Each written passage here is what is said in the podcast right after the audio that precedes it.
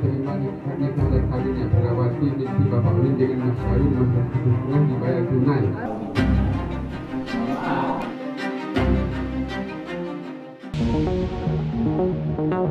Drama di sebuah pesta pernikahan di Kecamatan Campalagian, Kabupaten Polewali Mandar, Sulawesi Barat pada Sabtu 15 Juli lalu viral di media sosial. Pasalnya di pernikahan yang berawal dari perjodohan itu, sang mempelai pria berinisial FA tiba-tiba kabur jelang mengikrarkan janji sucinya. Hal ini berujung pada kakak laki-laki FA yang ditunjuk untuk menjadi calon pengantin pria pengganti.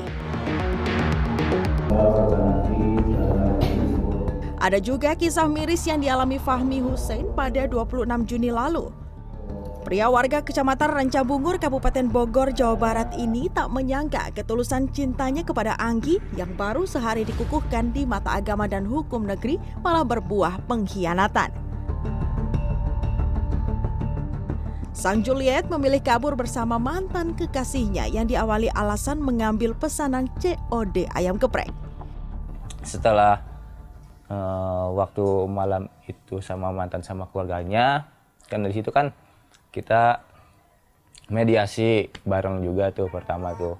Mediasi bareng, mediasi bareng musyawarah terus saya juga menyerahkan juga kan. Menyerahkan uh, Anggi itu kepada orang tuanya lagi gitu kan. Saya talak lagi saya talak di situ.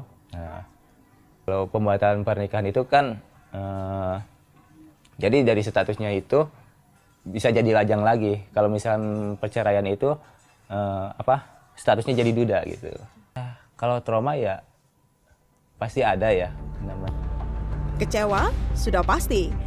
Namun apa mau dikata lagi saat cinta lama sang istri bersemi kembali mengalahkan janji suci mereka?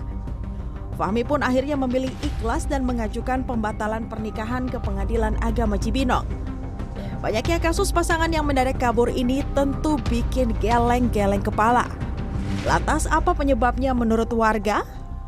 Buat aku, yang harus disiapkan itu satu mental supaya nggak kejadian yang tadi kakak sebut, dan yang kedua itu finansial, dan ketiga juga penerimaan dari pihak kedua belah keluarga. Yang paling utama persiapan mental, yang pertama itu. Jadi emang udah siap nih uh, hidup dengan orang lain. Dan yang kedua ya ekonomi sih.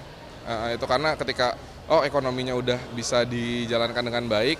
Walaupun ya memang ada ketika ada apa ada istilahnya kayak ya ketika nikah nanti rezekinya ada cuman tetap aja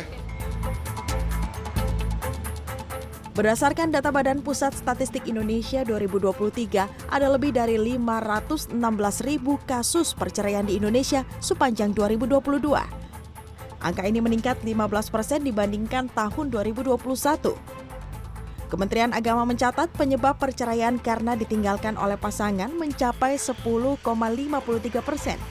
Sementara penyebab lainnya adalah pertengkaran, permasalahan ekonomi, poligami hingga kekerasan dalam rumah tangga. Sadar akan pentingnya kesiapan mental sebelum melanggeng ke pernikahan, inilah yang akhirnya membuat pemerintah melalui Kementerian Agama membuka bimbingan pranikah dan ada lagi program bimbingan perkawinan bagi calon pengantin yang sudah mendaftarkan diri di KUA. Jadi mereka mereka mendapatkan uh, bimbingan perkawinan dengan materi-materi terkait dengan uh, apa hak kewajiban suami itu apa. Konsultan pranika Rani Anggraini Dewi mengatakan pernikahan merupakan sebuah pilihan, bukan sebuah kewajiban.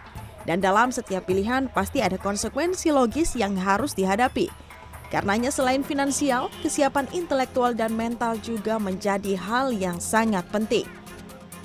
Kalau kita mau menikah, kesiapan mental. Kalau kita sudah menikah, yang perlu diperhatikan adalah kesehatan mental itu sendiri gitu ya. Butuh juga kecerdasan emosi. Jadi kalau saya jadi tidak hanya kecerdasan intelektual tapi juga kecerdasan emosi.